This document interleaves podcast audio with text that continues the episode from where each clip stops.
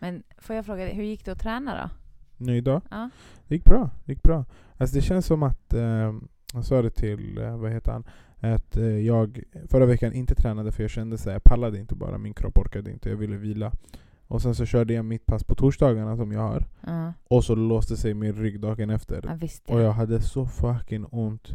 Eh, men det blev bättre så här efter två, tre dagar. Eh, där i slutet på helgen så Mm. blev den bra du vet. Mm. Och jag tänkte så här, det är säkert för att jag inte rörde mig på en hel vecka. Och sen så körde jag ett hårt pass och du vet så här. Och det är säkert mitt, mitt straff för att jag inte skötte mig. Med min träning, typ så här, och lata mig en hel vecka och inte rörde mig. Du vet, jag vilade ju typ hela förra veckan. Mm.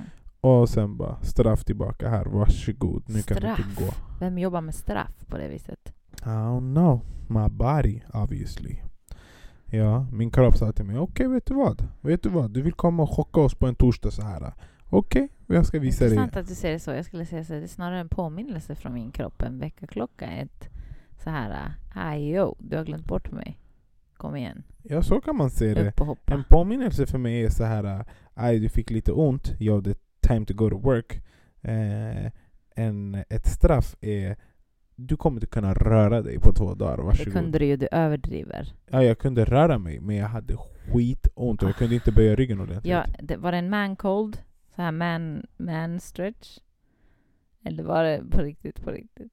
Alltså när jag gick upp härifrån, när jag gick upp från sängen Jag vet, du Jag låter, men du helt- låter jämnt. Nej, jag hade ryggen helt rak för att jag, alltså så här åt så här snett bakåt för att jag inte kunde röra mig. Och så Okej. satte jag mig här för att ha mitt seminarium Mm. och så fick jag sitta i jättekonstig position för att det inte skulle göra ont i ryggen. Ja, drygt. Det var skitjobbigt alltså. Det var skitjobbigt. Sen blev det bättre, sen så kunde jag röra mig. Jag låg på pilatesbollen och rullade och sen så rullade jag på vad heter det, den här foamrollen för att så här, försöka knäcka ut det för jag tänkte att det var någonting. Mm. Fick inte ut det. Och du vet, det gjorde skitont. Skulle försöka lyfta mig från golvet igen. Alltså jag hade skitont alltså.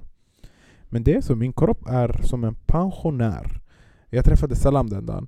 Och Salam hon sa till mig såhär, ah, hur mår du, hur går det? Så där.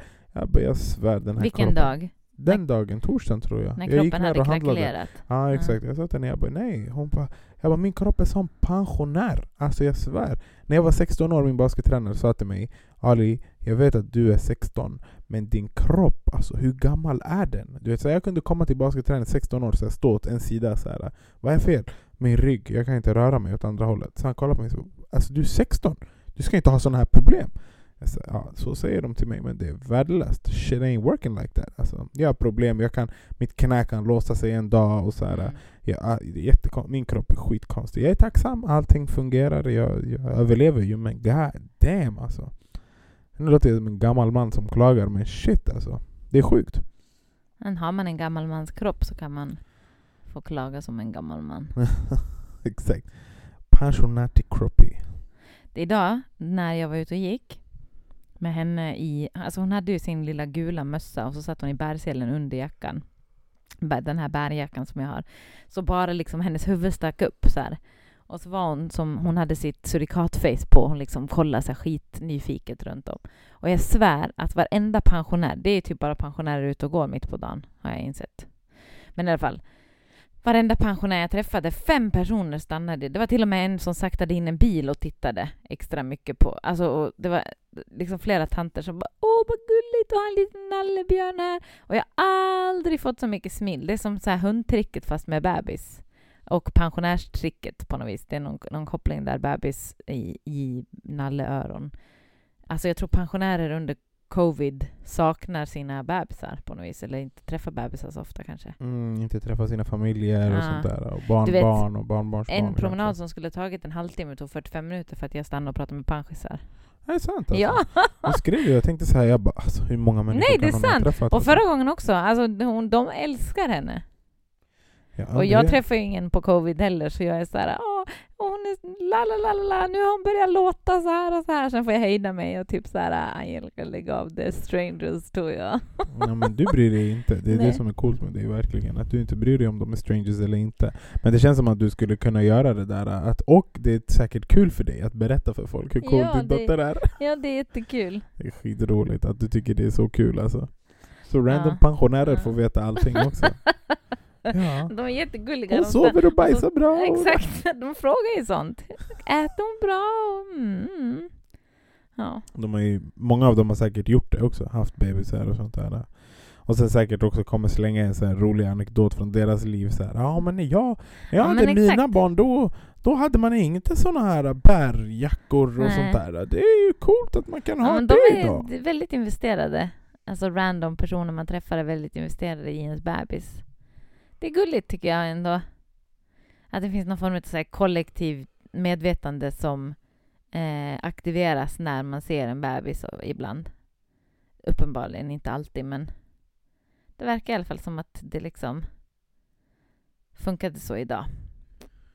Ja, verkligen. Alltså nu efter den här lilla bebisen har varit på besök här nu. Ja, Och så sitter jag och jag kollar på Nord när jag håller henne så här. ja.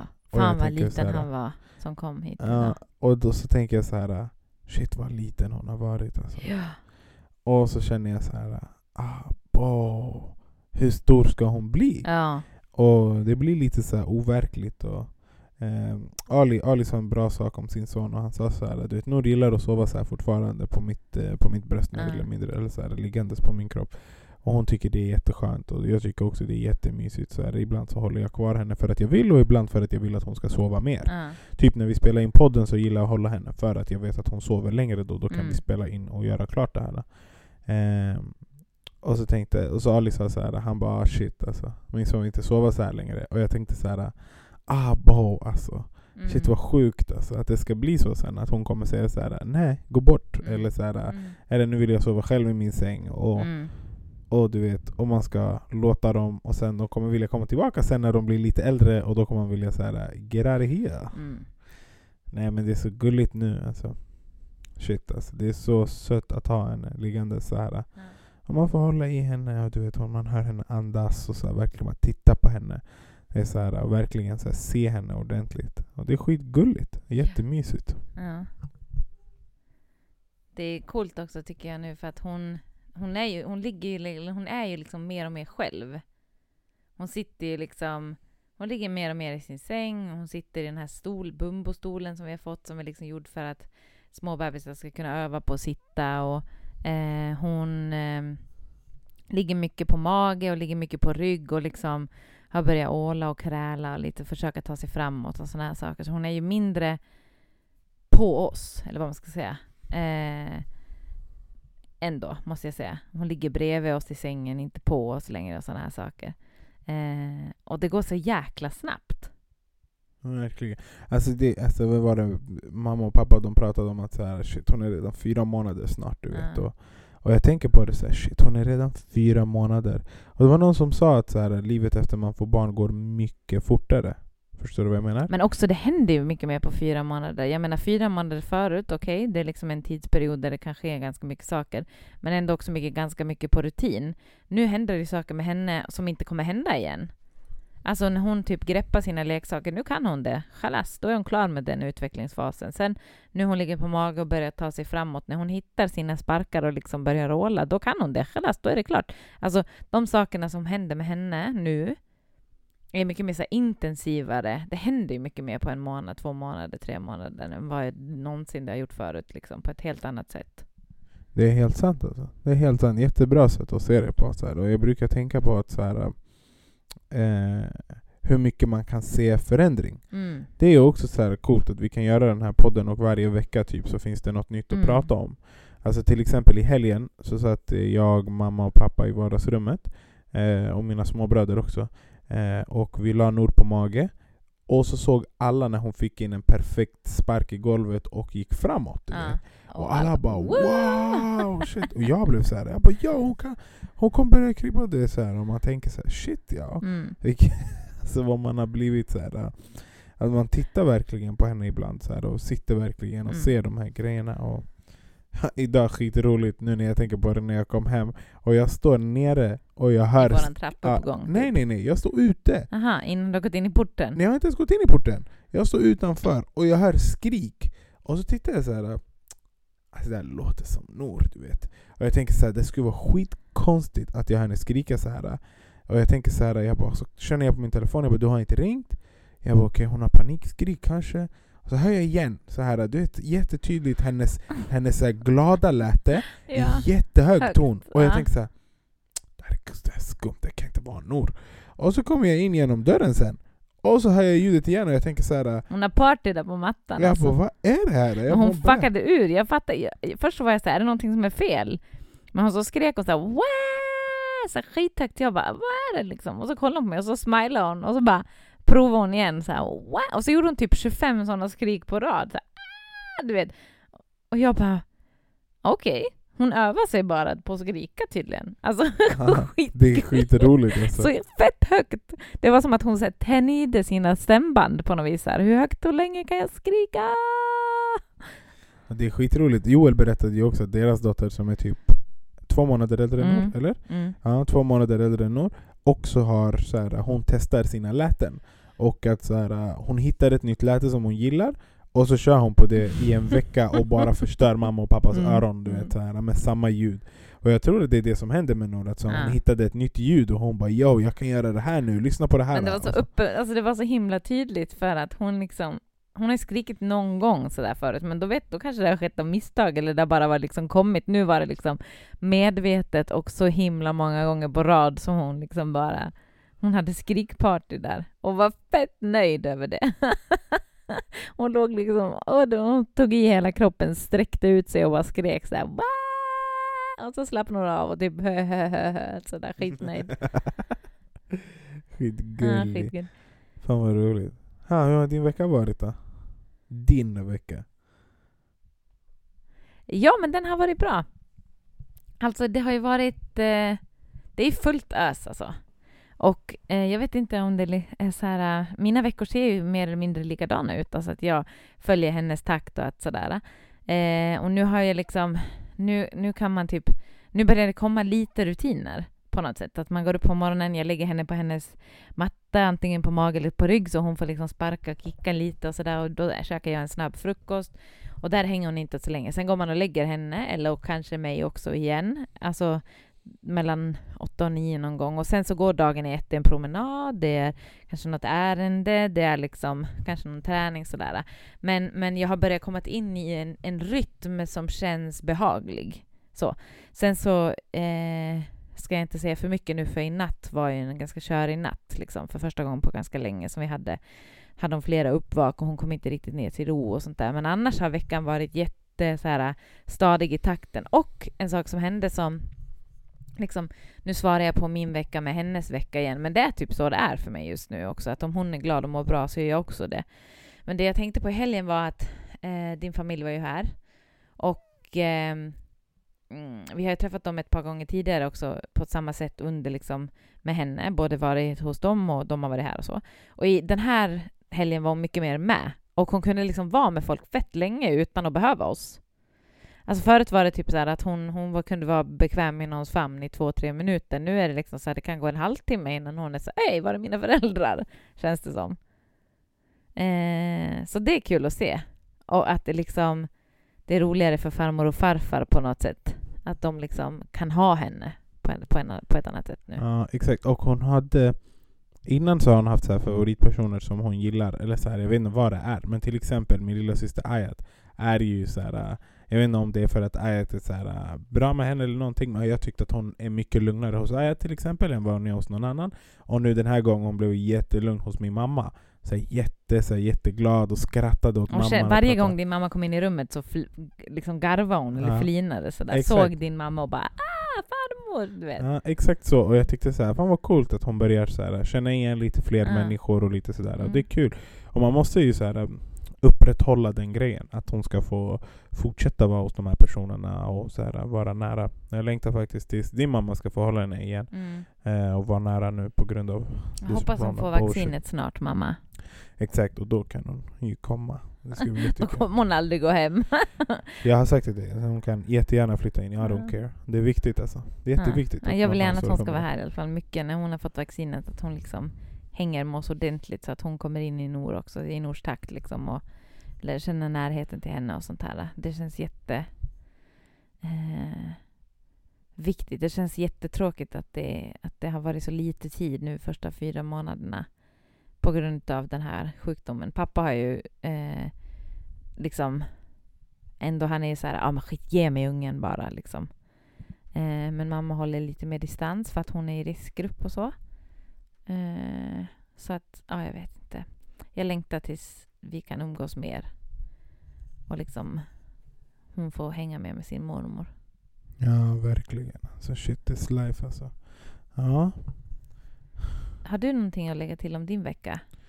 Nej, den har varit ganska chill. Alltså jag känner så här att uh, nu den här, alltså uh, det jag tänkte på var att uh, i helgen, man brukar säga så här, när man jobbar hela veckan och sådär, och så vänder man helgen för att vila.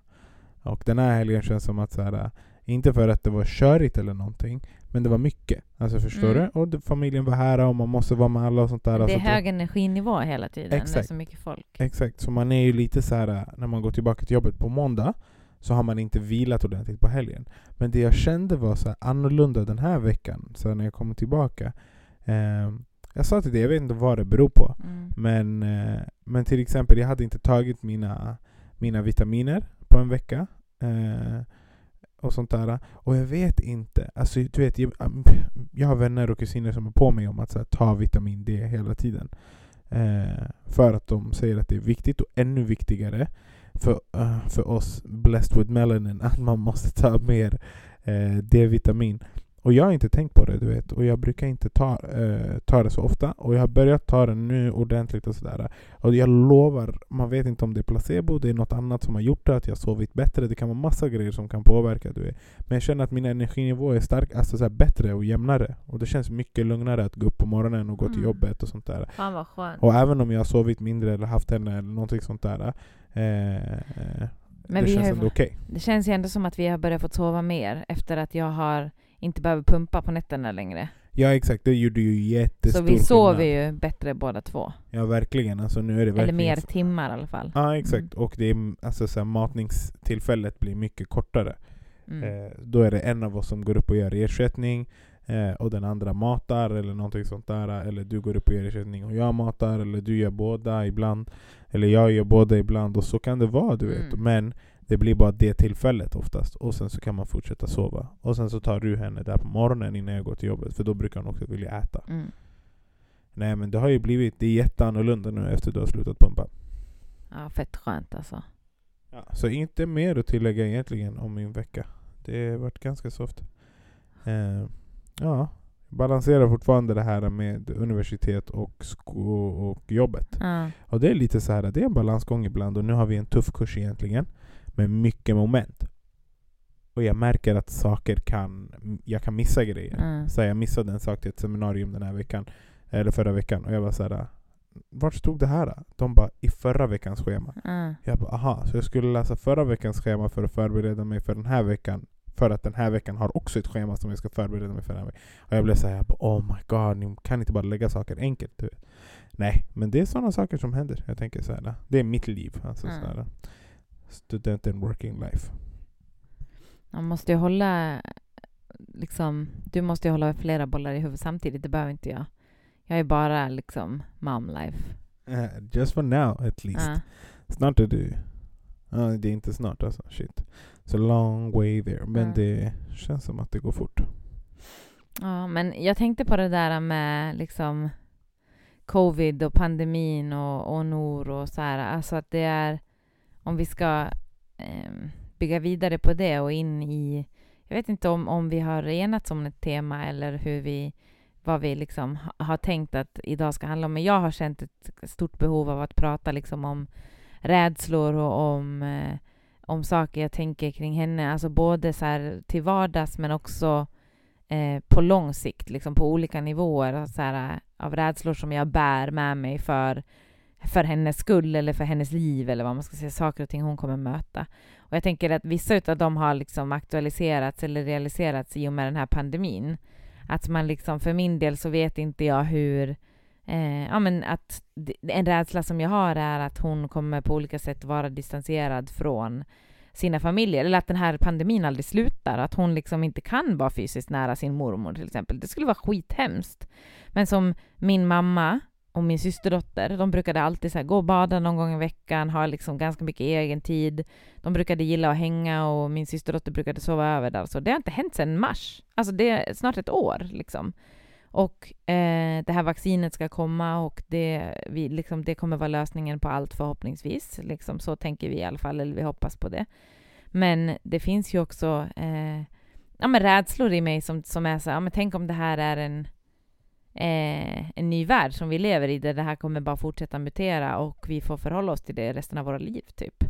Alltså jag har mycket såna här uh, orosmoln som för mig själv eh, inte alls är lika starka som de blir när jag tänker på dem ur liksom perspektivet att Nor ska leva med det.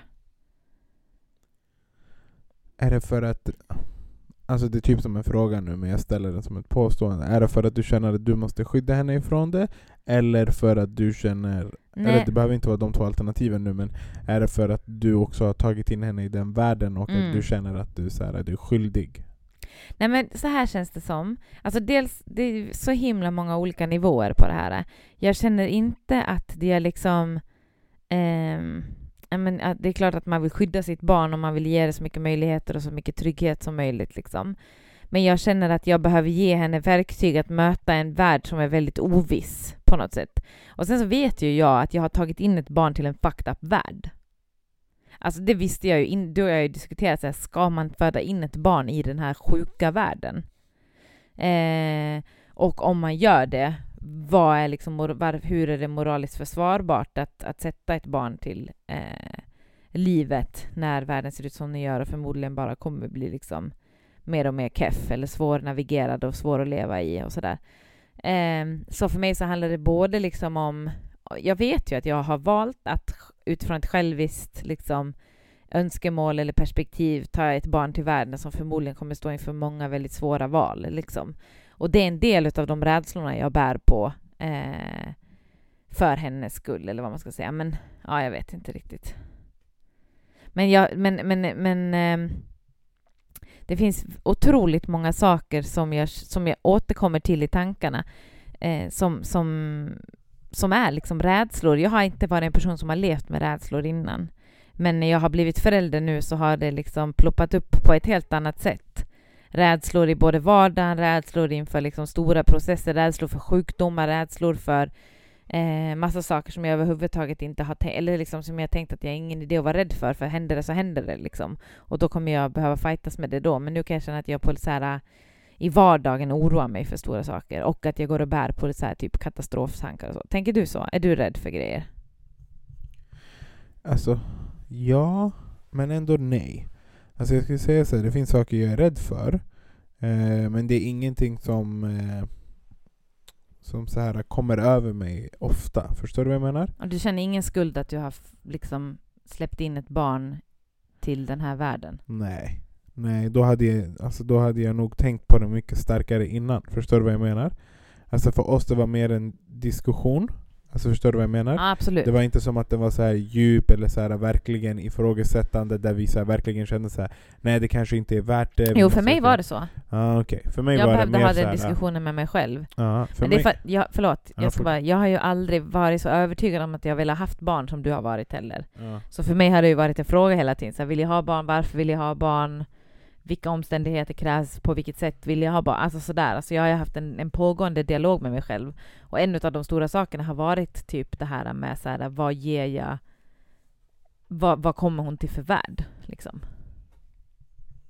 Ja, för mig har det ju varit alltid, eller ja, mer eller mindre alltid självklart att jag, jag vill ha barn. Ah.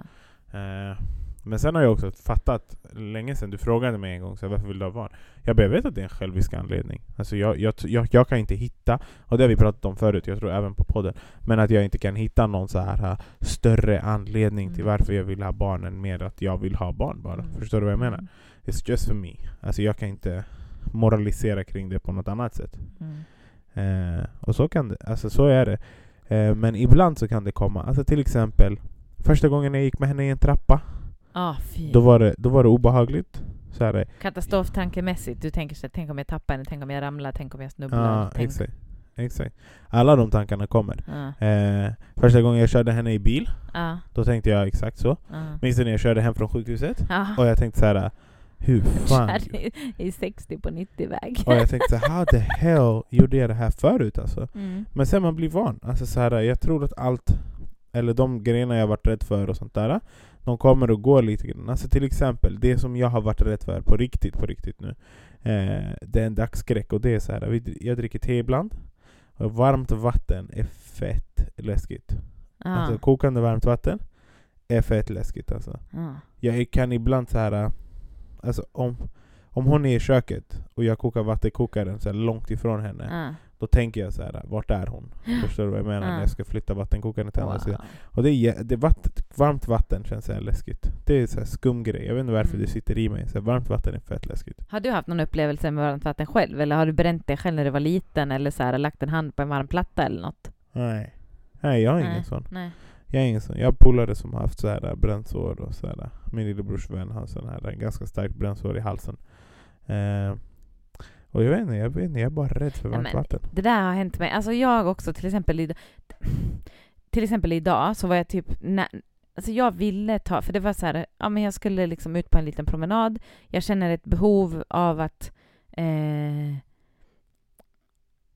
alltså använda kroppen mer. Och när, när jag går med henne i vagnen så känns det väldigt liksom... Det är väldigt lugnt och skönt, men jag känner ett behov av att typ så här, ja men jag vill bära henne. Alltså jag vill, jag vill nyttja mina magmuskler mer till vardags. Så kan man säga. Och jag bär henne hemma, men när jag är ute och går så liksom går jag långt men och stödjer mig på vagnen lite och sådär. Så jag vill i alla fall bära henne i bärsele idag. Och jag har fått en bärjacka av en kompis som man liksom kan ha över selen. Jag tänkte perfekt, det är inte så kallt ute, det här kommer vara dunder liksom. Och så satte jag på mig bärselen och sen så stoppade jag ner henne i den och så ska jag gå ner för trappen. Och så tänker jag, tänk om jag ramlar framlänges. Och sen så tänker jag, alltså innan jag gått ut i dörren tänker jag så här, tänk om jag ramlar framlänges. Och tänk om jag tar mig ut eh, hel och ren, men landar på en isfläck och ramlar framåt över henne, typ på en trottoarkant. Alltså du vet, jag såg så många olika scenarion som kunde hända, att jag var nära på att ta vagnen istället, för jag tänker det är för farligt. Och, och sen så tänkte jag så här, men skärp dig Angelica, du kan inte hålla på så här. Det, du har inte ramlat en enda gång på hela vintern. Varför skulle du ramla idag? Alltså och, och bla bla bla. Alltså jag fick resonera, jag fick verkligen resonera med mig själv. Att så här, du kan inte sluta, alltså sluta göra saker som är vardagliga saker. Det är inte som att jag ska hoppa bungee jump med henne på mig. Det är inte en sån här reell stor liksom, risk för död. Eller för att hon ska liksom skada sig ordentligt. Vi ska gå en fucking promenad runt kvarteret. Alltså jag kan inte sluta göra sådana saker för att jag är rädd för vad som potentiellt sett skulle möjligtvis eventuellt kanske kunna hända. Jag älskar hur många, hur många ord du fick in där. Potentiellt möjligt. Aha. Nej men förstår du, att, att jag var tvungen att tala mig själv till rätta och bara så här. Du kan inte... Alltså okej att det är bra att överlägga risk, liksom. Att man kan göra sådana kalkyleringar och bestämma sig, det är värt det, liksom. Men för att ta en promenad så känns det så här... Eh, så här kan jag... Så här, där, jag vill inte tillåta mig själv att hålla på på det här sättet. Jag var tvungen att tala mig själv till rätta, liksom. Kom igen. Ja. Alltså nu, nu ska jag dra en sån här dålig parallell bara för att det är intressant. Men så här, eh, det var någon som sa att säkerhetstänket ökar när stakesen blir högre. Alltså, och han, det var, det, egentligen deras diskussion handlade om att Jay-Z, de tog en bild på, J- det här är jätteroligt, Ja. de tog en bild på Jay-Z när han åkte vattenskoter med en hjälm på. Ja. Och de skrattade åt honom, så här, haha vilken tönt han åker eh, vattenskoter med hjälm. Jag har en kompis som skadade sig så fucking mycket på en Och nej nej, vattenskoter. alltså, och, och sen kommer argumenten. Så här, ja, alltså om du har en vattenskoter en dag i ditt liv, du har den i tio minuter, brukar man hyra vattenskoter utomlands, whatever, du vet så här. Det kanske inte är någonting så för dig, det är så här, du kan ramla, det är inte värsta grejen. Alltså så säger han, Jay-Z är värd en miljard dollar, eller mer egentligen, men och säger så här, han bara för honom om han dör, det är inte bara för honom, det är hans Mm. barn, det är hans barnbarn, det är hans mamma, det är hans syskon, och så här, hans säkerhetstänk blir högre. Och så Mm. tänker jag så här, dålig jämförelse, men ditt liv var normalt förut och dina säkerhetstänk är bara ditt ansvar, Mm. bara du. Mm. Förstår du? Nu vi har fått barn, då Mm. dina säkerhetstänk blir eh, oändligt mycket Ja. högre. Och då börjar man tänka så här, shit hur ska jag kunna göra det här säkrare? Förstår Ja. du vad jag menar? Och jag känner verkligen det. Alltså jag känner verkligen att jag har flipped the switch. Att så här, ta, liksom. Också, dels så tänker jag så här, okej, små saker i vardagen, typ. Idag skulle jag hålla i henne och så plocka upp en sax i, i andra handen. Jag höll på att plocka undan. Jag hade henne i en hand och plockade upp en sax med den andra. Så tänkte jag, det här, går inte, det här är inte okej. jag måste vända saxen med spetsen neråt, för jag hade spetsen liksom riktad mot hennes rygg. Och tänkte jag, tänk om jag snubblar på något sätt och liksom saxen åker in i Nej, det här går inte för sig. Jag måste vända den med grejen neråt. Alltså hur kan man tänka så här många domedagstankar? Alltså, Ja, men och det är det som är, det är så himla olikt mig. Alltså, och då, det är nästan smärtsamt om man tänker så här, oh, men några gånger per dag så passerar sådana här saker genom mina, hu- mitt huvud. Om jag, om jag gör någonting som liksom kan förknippas med en risk, så seglar det igenom en sån här... Och jag, liksom, jag blir inte rädd på riktigt, men det seglar igenom en tanke. Och idag när, jag, när det var halt ute så tänkte jag ju ordentligt så här, ska jag göra det eller ska jag inte göra det? Liksom. Men, men jag har pratat med på BVC, eller på ja, BVC fick jag göra en sån här eh, är du deprimerad-skala eller hur mår du efter förlossningen, bla bla bla. Och då var det två frågor om panik och ångest. Typ. Och jag säger att jag har inte det, men jag har en ökad oro. Alltså verkligen markant ökad oro och att jag har katastroftankar ibland. Och det är tydligen helt normalt. Liksom. Och jag låter bara dem passera. Jag agerar inte på dem och de väcker egentligen inga stora känslomässiga reaktioner i mig mer än att jag kan se att de flyger förbi och passerar. Sen vissa krokar jag liksom i och tänker längre, som det här är idag med bärselen och isen och bla bla bla. Men annars så tar de liksom ingen plats i mitt liv, men jag kan se att de passerar och gör det mycket oftare än vad katastroftankar i mitt liv tidigare gjorde. Men det är liksom en en liten vardaglig så här, sak och känsla som jag kan eh, se och uppmärksamma. Men sen om jag ska gå snäppet längre och tänka på världen och liksom vad jag har fött henne in i och vad hon kommer möta i sitt liv och liksom tänka på liksom stora, riktiga rädslor, på sjukdom, på död, på eh, du vet, krig, på global uppvärmning och sådana här saker, då blir jag, det blir nästan, jag klarar inte av att tänka på det. Alltså jag får, jag blir, du tittar på mig, jag blir liksom tårögd. Och bara så här. Äh, vi har fött ett barn som förmodligen kommer behöva göra så jäkla många svåra val i sitt liv eh, utifrån hur världen ser ut och vart världen är någonstans idag. Liksom. Och vi kommer behöva som föräldrar rusta henne för en framtid som vi inte vet hur den ser ut och som vi överhuvudtaget inte kan liksom gissa eller relatera till. Hur gör man det? Nej, alltså det finns inget svar på den frågan. Det finns inga svar på de frågorna. Det man kan tänka är så här. Vi har i alla fall ett, syn, eller, eh, ett synsätt, vi har ett sätt att se på livet som gör att vi vill lära vissa grejer till våra barn. Mm. Eh, nu säger jag i plural, du kan påpeka på det igen om du vill. Som du brukar göra när jag Barn, säger våra barn. Ja, Eh, men alltså tänk, nu tänker jag på liksom våra barn som en generation, Ja. alltså som Samantha och, ja. och Dalia. Och, alltså att vi lär våra barn saker. Ja. Exakt, men vi vill ju leva ett liv som gör det möjligt för dem att förstå hur man ska Alltså hur man ska vara mot jorden och hur man ska ta hand om naturen och bla bla bla bla bla. Mm. Och en massa grejer. Och vi vill ju så småningom också börja odla mat själva och leva lite självförsörjande och, och ha de här tankarna. Eh, delvis för oss själva för vi tycker att det är rätt sätt att leva. Mm. Men också för att vi tycker det är viktigt att man lär sig. Alltså vem var det som sa det här? Var det alla som sa det här skitbra, min lilla syra? Eh, om det här. Det är så sjukt att, så här, att det inte finns någonting i skolan Ja, som lär en hur man Ja. ska överleva eller äta. exakt. Och det är så här, ja, men det är så sant alltså. Nej, finns- skolan är fucked up ur det perspektivet. alltså det finns ingen, alltså ingen utbildning, alltså du, inget barn lär sig. Eller, det finns så små projekt, så här, ah, men du ska odla en sån här blomma du vet, så här, i ett mjölkpaket. Det Mm. gör typ alla Mm. barn i Mm. typ sex års eller, eh, För att fatta hur ett frö funkar. Ja, exakt. Ja. Och sen är den biologilektionen över. Och du vet, ingen, ingen så här långsiktig tanke över så här, Nej, men jag tycker också det är helt sjukt att man typ i, i princip inte får så här, fysiskt lära sig hur en motor fungerar. Eller man får inte lära sig att så här, plocka isär en dator eller förstå hur en processor fungerar. Alltså de många saker som vi har som är skitviktiga för vår vardag. Alltså mat och sånt här, det är ju avgörande för vår överlevnad. Men även sådana saker som liksom är avgörande i vår vardag, tekniska sådana här saker. De, vi, vi, inga, inga, man, inga, man bara förutsätter att de fungerar. Ja, och de som kan det, de kan det. Det är en, en unik få människor precis. som jobbar med det Aha. som vet det. Nej men det är så roligt, vem var det som sa det till mig? Så här, var det inte någon Alltså antingen är det här en anekdot som går runt så här, eller så var det en vän som berättade för mig att, eh, att de frågade ett barn vart kommer kött ifrån? Ja. Och hon svarade Linas matkasse. Ja. Så här, nu. Och du vet, Åh. Jag dog av garv, verkligen. Och vi har ju också den här synen på, på mat och kött och sånt där. Om man inte... Alltså, om du inte vet, du vet how it goes down? Jag vet inte. Alltså om du inte förstår vad processen är för att ett djur ska hamna på din tallrik, du borde inte äta. Nej. Alltså ät inte kött då. Alltså håll dig borta. Ja men det är ju liksom bara en aspekt, men jag tänker att det finns mycket som är inbakat i det perspektivet som, som liksom samlar hur vi ser på världen och vad vi vill ge Nord. Alltså, för det handlar ju om mod och det handlar om verktyg. Ja exakt. För mig är det alltid det, det verktyg som är den här stora grejen för Ja. mig. Alltså, så här, jag har lärt mig en massa grejer själv som vuxen. Eller så, ja, som vuxen egentligen.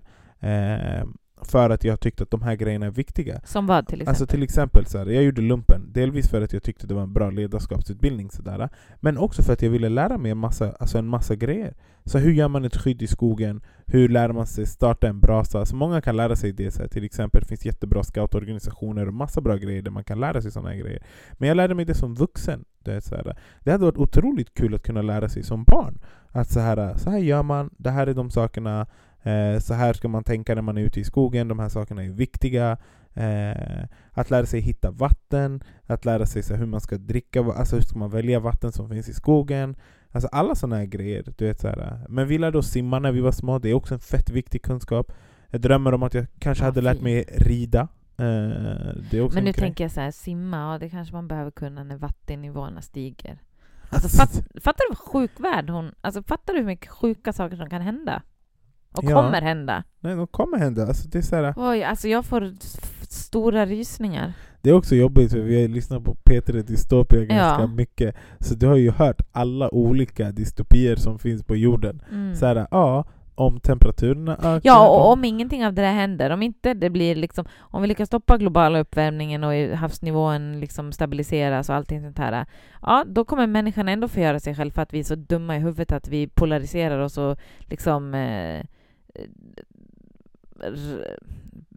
ja, har rasism och äckliga ideologier som gör att liksom människor liksom skiljs åt utifrån ett så här maktperspektiv som gör att vissa behandlas illa och sätts i läger och hit och dit. Alltså du vet, det är så fucking absurt. Och vi bara Hej då Nor, ha det bra, lycka till!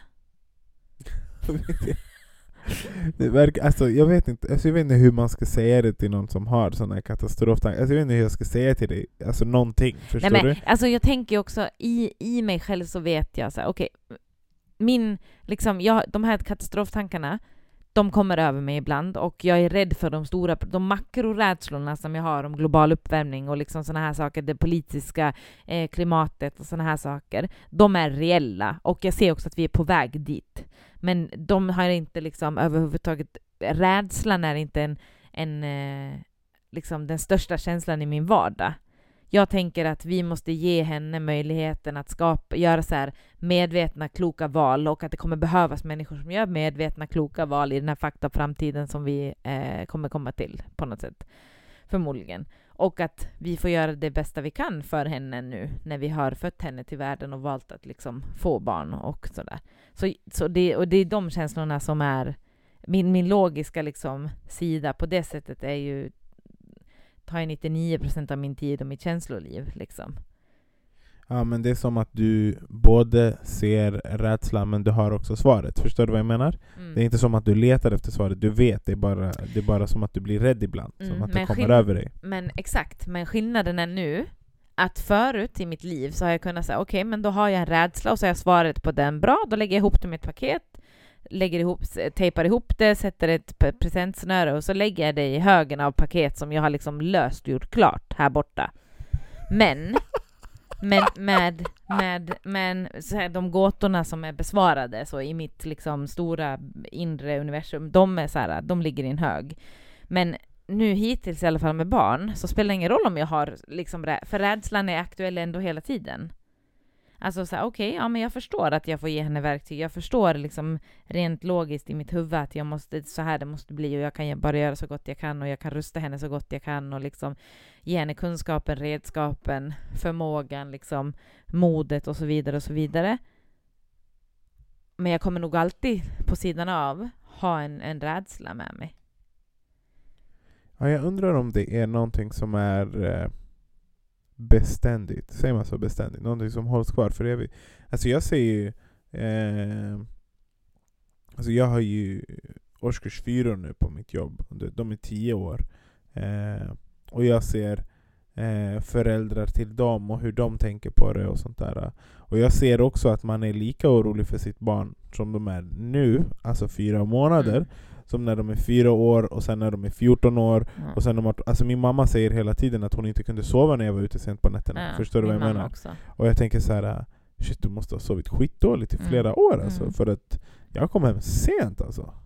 Ja, ja precis. Men jag, och jag tror att det, jag, liksom, nu när vi pratar om det så här så tror jag att det är en del av att vara förälder. Att liksom det känslomässiga paketet utökas med fler rädslor som är mer aktiva hela tiden. På något sätt. Det kan också vara kanske sant. Till exempel, jag sa till båda mina systrar skulle åka själva hem med tåget. Eh, och jag sa så här, messa mig när du tar tåget, sen messa när du kommer hem. Du vet, så här. Ingen av dem gjorde något av det. Så, så här, efter typ 30 minuter, har du åkt? Ja, jag har. Och sen så här, efter tre timmar, är du framme? Mm. Ja, jag är framme. Varför skriver du inte då? Och du vet, jag blir såhär Ey det där var aldrig jag förut. Är det så? är det sant? Nej jag var inte sån. Alltså, jag, var inte, jag kunde säga ey messa mig när du kommer fram och sen kommer på efter några wow, timmar. Så, här, jag, och så, så ringer jag såhär, ja vad händer? Du sa ingenting. Du vet, så uh. Men jag har aldrig varit sådär. Förstår du? Jag fattar. Och nu när du säger, alltså det var bara nu i konversationen jag tänkte tillbaka på det. Jag, var såhär, uh. jag dubbelkollade två gånger med båda systrarna. Jag var såhär, ja this shit is weird. Du vet, såhär. Uh, är det för att man har blivit förälder man börjar se de här grejerna? Mm. Alltså så här, ring mig när ni är på tåget, eh, och sen säg till om det är några problem på väg. Nej jag Tata reste hit själva också. Och jag var såhär, ja ring mig när ni är där, säg till mig hur det går med tåget. Mm. Eh, är ni framme i tid? Är ni sena? Du vet, jag blir såhär, är man kanske, det kanske öppnar upp ett lager av eh, försiktighetsåtgärder eller eh, så här eh, vad kan man kalla det? Runt om i hela din värld liksom. Ja exakt, att man är så här eh, man ser de här extra grejerna. Men jag tror man måste vara så himla noga med att inte föra över det där på barnen. På ett sätt. Alltså för vad tjänar det henne att gå runt och vara rädd? Förstår du? Det tjänar, alltså, det tjänar ju verkligen ingen, in, ingen någonting. Eh, utan man måste liksom, man måste... Jag har hört den klassiska historien av att så här, det är en mamma som, när ett barn äter och kladdar, att en mamma är där och, och torkar hela tiden och liksom tvättar av barnet allt eftersom och så. Och då lär sig barnet att kladd är farligt och sen så får de liksom, eh, blir de pedant och så, så där när de är äldre att de liksom, de, de lär kan inte njuta av maten, inte leka med olika konsistenser och sånt för att mamman har liksom torkat undan för mycket och sådana här saker. Bara för att hon gillar att ha det rent, men barnet får typ fobi. Alltså så här, att man måste vara skitnoga med hur man beter sig framför sina barn så man inte för över orimliga rädslor eller eh, så på dem. Och jag tänker, det närmaste jag kan relatera till är eh, min systerdotter som jag typ är ute och leker med. Hon klättrar skithögt på grejer. Hon är sex år, och hon är, eller fem och ett halvt och hon ska liksom upp i varenda grej som finns. Och i mitt hjärta så är det så nej, alltså du kan, om du ramlar ner därifrån så gör du illa dig på riktigt. Alltså det är inte, hon hoppar inte upp i någon sån där lekställning utan hon ska högst upp i ett fucking träd, du vet. Och bara titta på mig! Och så hänger hon, du vet, hänger hon i knäna på en sån här gren högt upp. Och, och man liksom, mm, jag vill ju att hon ska våga det. Jag vill att hon ska vara modig, jag vill att hon ska klättra, jag vill att hon ska utmana sig och så vidare. Och min syster har ett superbra perspektiv att så här, om hon inte kände att hon klarade av det så skulle hon inte göra det. Alltså hon känner sin, vi känner henne så pass bra att vi vet att hon är ingen dum unge. Alltså hon vet vad hennes gränser går, ish. Sen så får hon ju tänja på dem och våga utmana sig själv hit och dit liksom. Eh, alltså hon är ju fortfarande ett barn. Ja, alltså, såklart. Det är klart de gör. Alltså. Ja. Såklart, men, men det finns ju olika... Alltså, vissa barn jag känner är ju så här, och vadå, jag kan väl hoppa ner härifrån? Alltså och bara testa hoppa och bryta sitt ben. För att det är klart att du inte kan hoppa därifrån.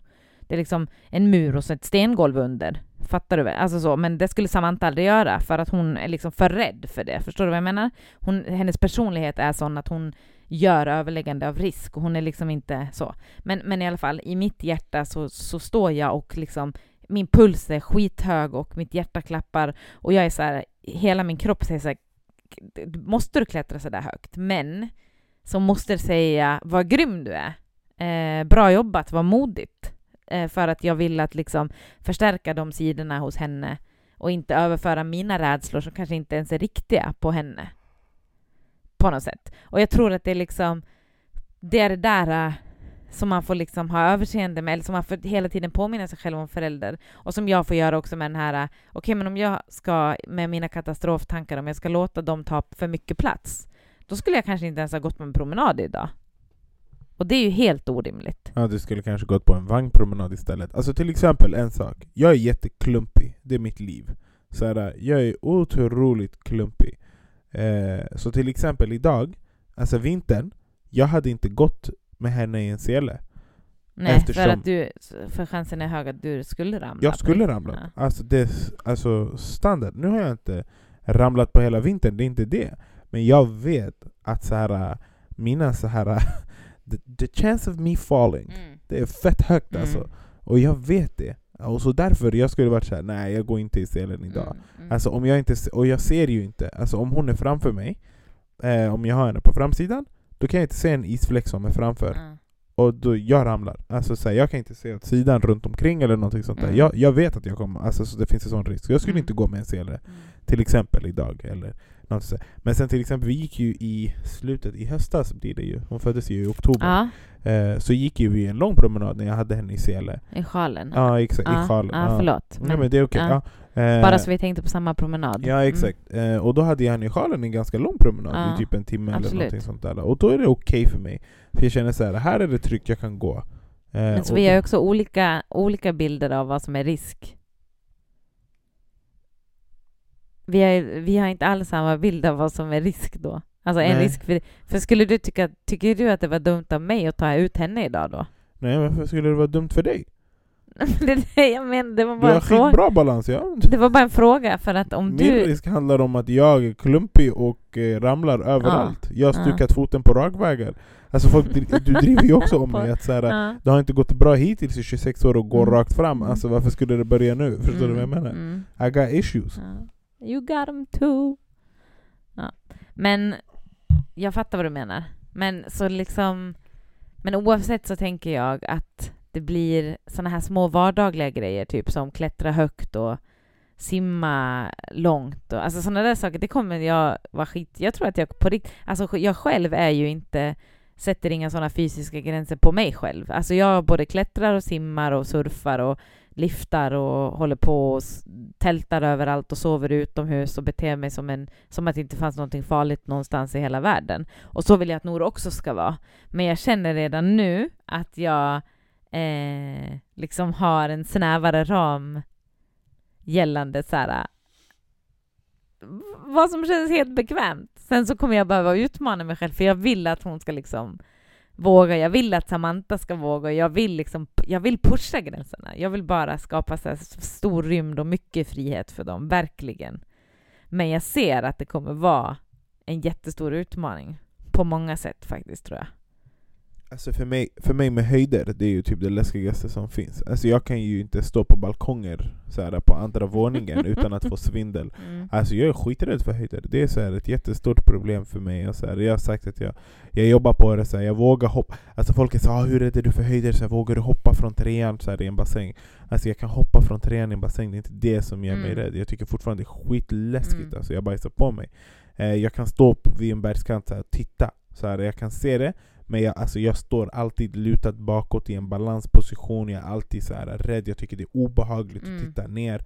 Eh, så jag har en allmän rädsla för det, du vet, så här, att, eh, att vara på höjder och sånt där. Eh, och det tror jag kommer vara ett problem. Alltså jag har sagt dig förut, så här, om någon skulle vilja börja klättra i träd och vara så här, mm. då skulle jag vara nojig. Vi får ringa Ola. Ja exakt, Våran jag har alltid sagt det. Han kan, han jag kan ta med mig henne och bergsklättra, det är inga problem, för det är inte jag rädd för, det känner jag att jag har koll på.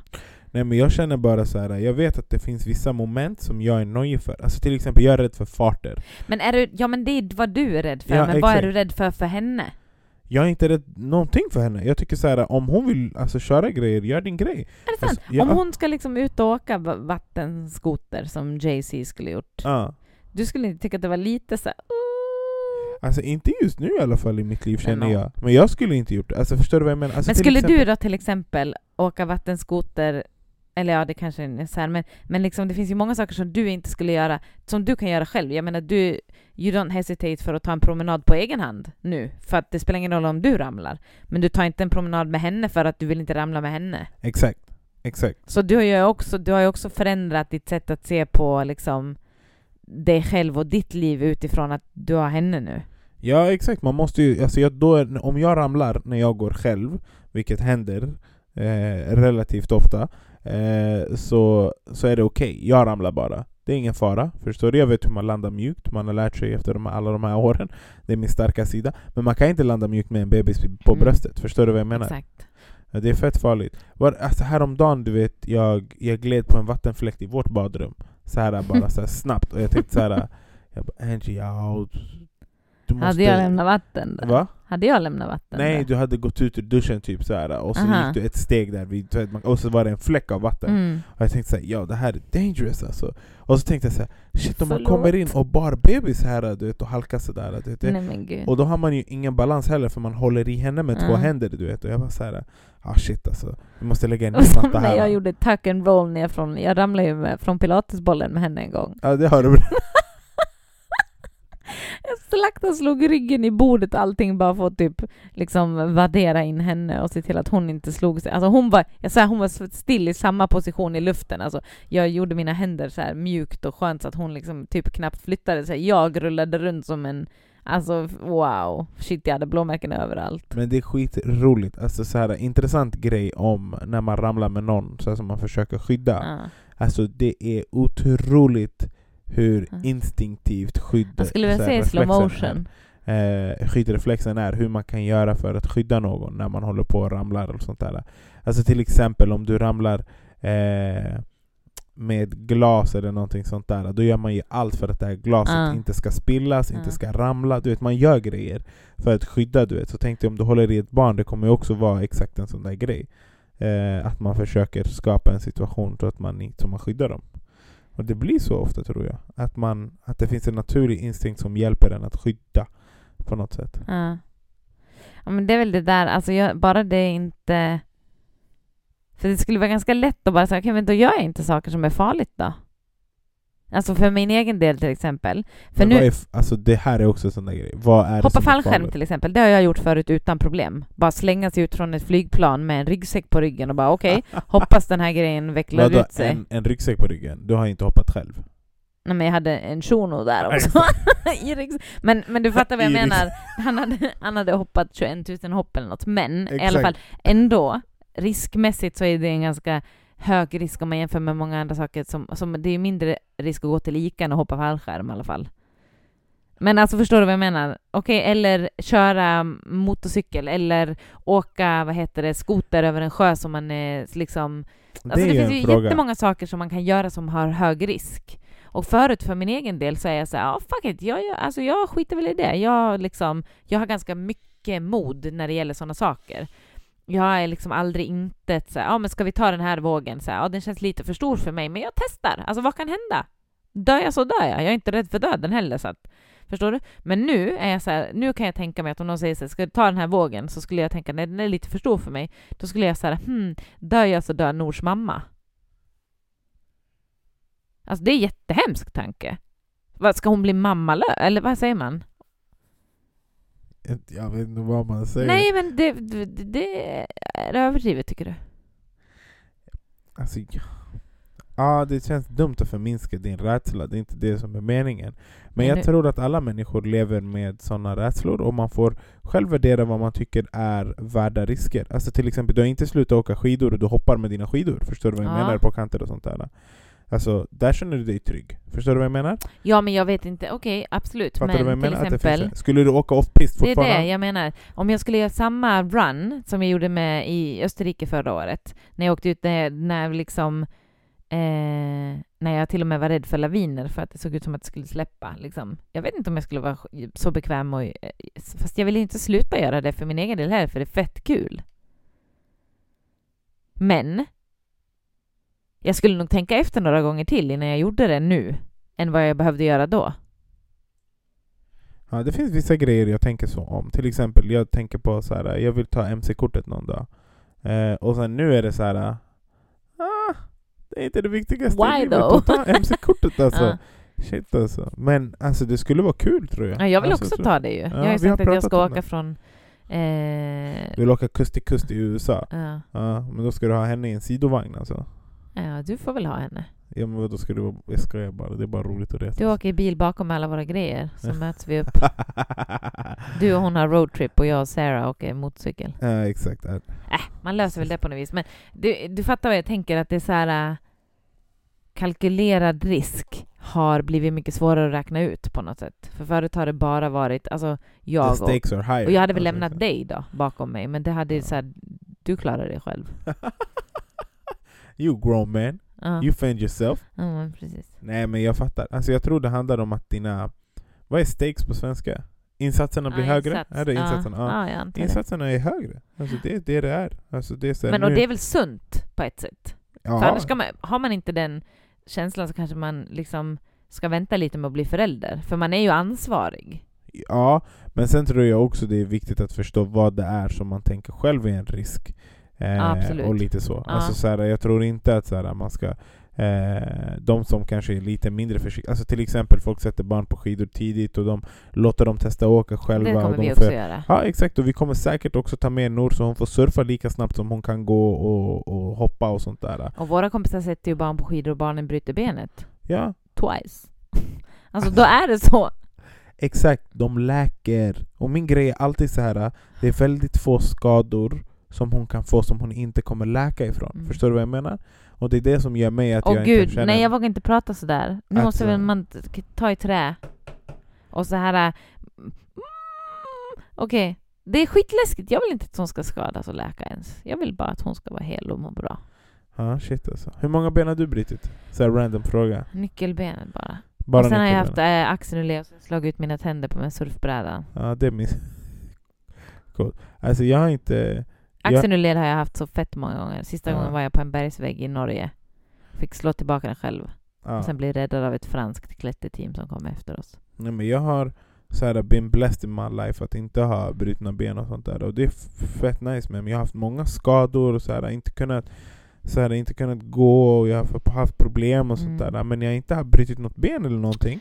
Men still så här, och du vet jag tänker så här, ey, om man inte har gjort det Alltså du kommer inte lära alltså, och det är Mm. ingenting farligt alltså. Jag har många polare som har brutit benen. Alltså det är klart Och att hon kommer tillbaka. göra illa sig. Ja, Du vet. och det är det jag känner. Alltså det som får mig att bli lugn, det är så här. Många skador, hon kommer klara sig. Eh, det kommer inte vara värsta grejen. Eh, och så här, det är sånt som händer. Det är bara livet. Det är livet. och jag tror att jag min tänker. grej är att så här, jag försöker se det som så här, eh, att skador och saker som kan bli farliga, vi kan inte, alla kan, alltså vad är det man säger? Det finns också så här i islam, så här, en sak som gör mig lugn, ja, är att eh, allting är skrivet, förstår du? Du kan försöka ducka ditt öde, du kan försöka leva i en bunker i hela ditt liv, förstår du vad jag menar? Mm. Och sen någon dag du kommer steppa där utanför och den där eh, bilkrocken som skulle hända dig kommer Abo, hända dig, nej, förstår gud, du vad jag du, menar? åh, Måste du välja en sån? Du kan väl välja att du kommer träffa den här personen som du skulle träffa. Alltså, Du kan väl välja en whatever. positiv sak och slut. För nu har du Whatever. öppnat upp islam, islam och liksom allting är skrivet. Nu ska, måste vi ha ett till avsnitt här och prata om huruvida saker och ting är skrivet eller inte. Men Nej det, jag säger bara att det det, handlar om, day. nej, Ja. det det handlar om är inte så här att du inte... Det, det det handlar om för mig är det, så här, det är att du, du måste försöka, leva. Exakt. Det, ja. Du kan försöka skydda dig från alla risker och göra alla riskanalyser, bla bla bla bla. Eh, och så, så finns det en saying som säger människan planerar och planerar och planerar men Gud är den yttersta planeraren. Mm. Förstår du vad jag menar? Och jag blir så här, ah, vi kommer ju säkert tänka, hon kommer få cy- cykla med hjälm. Eh, när hon åker rollerblades första Mm. gången, hon kommer ha på sig skydd. Mm. Men vi, det kommer inte stoppa henne från att ramla om hon ramlar. Förstår du vad jag menar? Rollerblades. Det, det, det det gör är... 90-talet ringde och ville ha sina skridskor tillbaks. Alltså jag svär, i de här moments när du är den som är rädd och sen du ska fastna Förlåt, på såna här grejer. Nej men min poäng är bara att shit's gonna happen. Mm, Förstår du? ja. Och det är inte det som jag blir rädd för egentligen, att Nej. shit's gonna happen. Det som, det som kanske gör mig rädd är, så här, att det är saker man inte kan kontrollera där människor är förövare och sånt där. Mm. Det gör mig, Ja. ja, det kan göra mig mer Alltså att rädd. världen runt om henne är fucked up. Ja exakt. Och, och man kan inte skydda henne från allt. Liksom. Nej exakt, du kan inte. Nej. Och det är så här, vi gör vårt bästa, och, men inshallah det kommer gå Och, bra. ja, precis. Man kan hoppas. Och göra så, så gott man kan. Ja exakt, och försöka bygga trygghet runt omkring och sånt där. Mm. Men Alltså wow, det här, det kommer ju säkert vara 500 sådana här samtal under vårt gemensamma liv med henne. Most definitely. Första gången hon ska gå till skolan själv. Åh herregud. Ja, exakt. Alltså den här dokumentären som vi såg om, om den här treåringen som ska utföra ett ärende som bor i Tokyo. Ah. Den här att det är en eh, Dads på Apple Plus eller vad fan det heter. En, en dok- Nej, det var inte den. Det är den. Nej! The Den year... heter The Story of You. ja, Heter den så? ja, någonting. Det handlar i alla fall om barn. Och, och då är det, finns det tydligen en sån här tradition att en treåring utför ett eget ärende. Och de släpper ut eh, treåringen för att köpa sushi, liksom mitt i Tokyo. Så många risker där. Men så, så cool så här äh, emancipation, alltså frigörelsegrej. Det är så stort, alltså vet du hur coolt det är? Alltså så här, nu, förlåt nu allihopa som lyssnar tills nu, så här, ni blir arga om tiden, men lyssna bara. Alltså den här lilla killen är tre år och så här äh, har övats för att nu kunna gå och gå ärenden själv. Och du vet, och vet vägen. Man tänker och, du lärde dig gå igår. ja, alltså exakt, och du vet det är så, alltså det är så coolt. Tunnlar och trafik och pengar och handla Och du vet, det som gjorde mig- pers- mest fascinerad var ju att, så här, att pappan sa till honom så här, Jo, du klarar det här. Ja. Och han var lite rädd. Och han sa till honom, han bara lyssna, var inte rädd. Du kan det här. Och han var så gullig, han bara jag vill inte gå utan dig. Ja. Han bara men jag kommer inte följa med dig idag. Bara så, också inga så här ursäkter, ingen förklaring, ingenting. Bara så här du, du kommer gå själv idag. Exakt, och du kan det. Ja. Du klarar Ah, av det. wow. Och Och, du- kom du- hem och var typ 25 år äldre det som. Exakt, och blev skitstor. Och jag tänkte så här, jo, alltså det är viktiga delar i Mm. barns liv att förstå så här. Men det är också, man måste sig. ju förbereda dem för det. Och jag tror att Exakt. det är det. Liksom. Exakt, och det var det också, vi, vi snackade om att det finns en kultur runt omkring. Ja. Så alla andra vuxna som Vet är att runt den här omkring treåringen är ute på sitt första Exakt, ärende. och det typ. heter någonting Ja. i kulturen. Och förstår du? Alla Ja. vet såhär, yo, jag minns min dag. Förstår du vad jag Här menar? skulle det vara typ så här, en treåring ute på stan, ring SOS. Det är i alla fall fett coolt att Alltså, man måste tänka sådär också, att allting byggs upp. Alltså, jag menar, hon kommer inte såhär börja gå och sen nästa dag klättra till toppen av en skyscraper. Alltså, hon kommer ju först klättra upp på en liten grej och sen klättra lite högre och så lära sig vad, hur man klättrar, vad man gör, vad man ska tänka på och så vidare. Och bygga upp sin liksom, horisont. Och sen kommer hon göra saker som är för stora för henne. Och då kommer hon lära sig. Alltså, ja, och vi får liksom vara bredvid och bygga upp vårt eget mod utifrån hennes process också. Alltså vi har byggt upp vårt eget mod för oss själva, nu måste vi bygga upp vårt mod som föräldrar. Bra avslut. Det är det som är utmaningen. Verkligen. Och då måste man utmana sig själv som man gjorde. Ja. För att bygga sitt eget mål. Nu måste man våga låta henne utmana sig själv. Alltså, Wow. Det kommer ju vara läskigt första stegen hon tar också. Hon kommer ramla, hon kommer slå sig, det kommer göra ont. Men hon kommer ställa sig upp igen.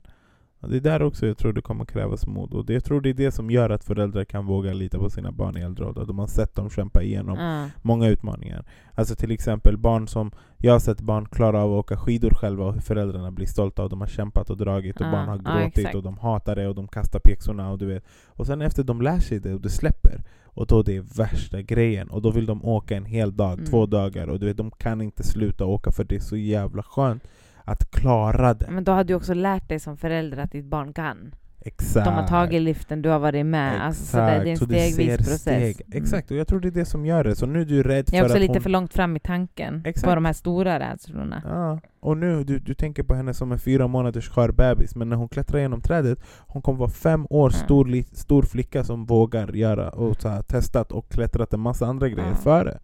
Och det är samma sak med alla de där stora rädslorna också, liksom, att hon eh, förhoppningsvis kommer vara rustad att möta de sakerna som hon kommer ställas inför i sitt liv. Och vi får ge henne det vi kan helt enkelt. Okej, Exakt. nu Djupa andas vi ut. Hur ska jag kunna säger- sova ikväll sen när jag går runt och tänker på det här? Ah, walla, jag har ingen aning. Jag kommer ta en varm dusch och sen kommer jag däcka för tomorrow is back to work. Okej, men det känns bra att vi har pratat om det här i alla fall. Och Och det är inte sista konversationen om det här eller? Det tankarna får fortsätta segla förbi helt enkelt. Exakt, man ger dem inte energi bara. Okej, wow, nu andas vi ut. Tack så mycket då för idag. Just det, tack så mycket. Uh, Vi ha det hörs. så bra. Peace out. Jalla, ja. Mm.